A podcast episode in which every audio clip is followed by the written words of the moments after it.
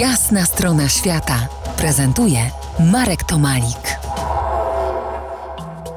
To będzie opowieść o Papui Nowej Gwinei, ale z silnymi akcentami australijsko-polskimi. W tamtej gęstej od inności osnowie kulturowej nie ma to większego znaczenia, ale dla nas i owszem ma.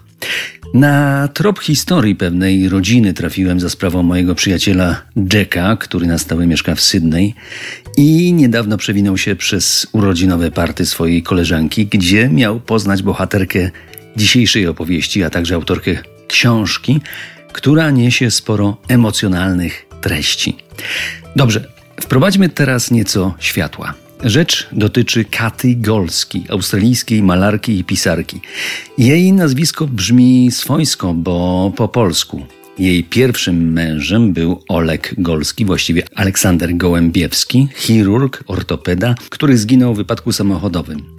Polakiem jest też jej drugi mąż, Wojciech Dąbrowski. Nie ten słynny podróżnik, ale nie mniej słynny antropolog. Wojciech Dąbrowski, jeden z największych, najlepszych specjalistów w swojej dziedzinie od Papui Nowej Gwinei i to myślę, że w skali świata. Mamy zatem bohaterów naszej historii. Do kompletu brakuje jeszcze czwórka dzieci, w tym noworodek. Nie bez znaczenia jest tutaj pierwszy mąż Kati, Olek, który wprawdzie nie żyje ale w historii pojawia się nader często jako powiedzmy anioł stróż. Ktoś, kto pomaga rodzinie Kati z innego wymiaru, o dziwo przy aplauzie, może takim cichym, suchym aplauzie Wojtka, obecnego męża Kati. Teraz prowadzę Was w ramy czasowe. Rzecz dzieje się prawie cztery dekady temu w Papui Nowej Gwinei. Otóż w kwietniu ta Sześcioosobowa rodzina wyrusza na dwuletni pobyt do górzystej wioski, z dala od jakiejkolwiek cywilizacji, w naszym przynajmniej rozumieniu. Bezpośrednim powodem tego wyjazdu był antropolog Wojtek, ojciec rodziny, którego praca wessała w Papui i który namówił swą żonę do przeżycia dwóch lat w skrajnie odmiennych warunkach od tych znanych nam z Polski czy Australii. Nikogo z Was, moi drodzy słuchacze, nie muszę przekonywać, że Papua Nowa Gwinea nawet dziś stoi poza czasem naszej zachodniej cywilizacji, a co dopiero 40 lat temu.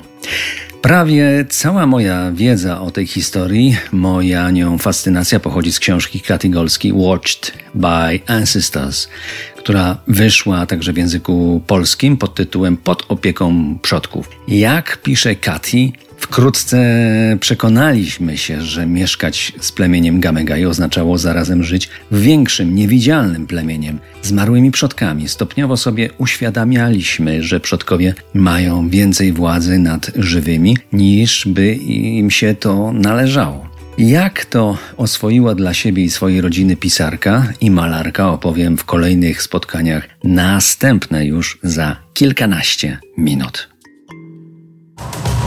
To jest jasna strona świata w RMS Classic.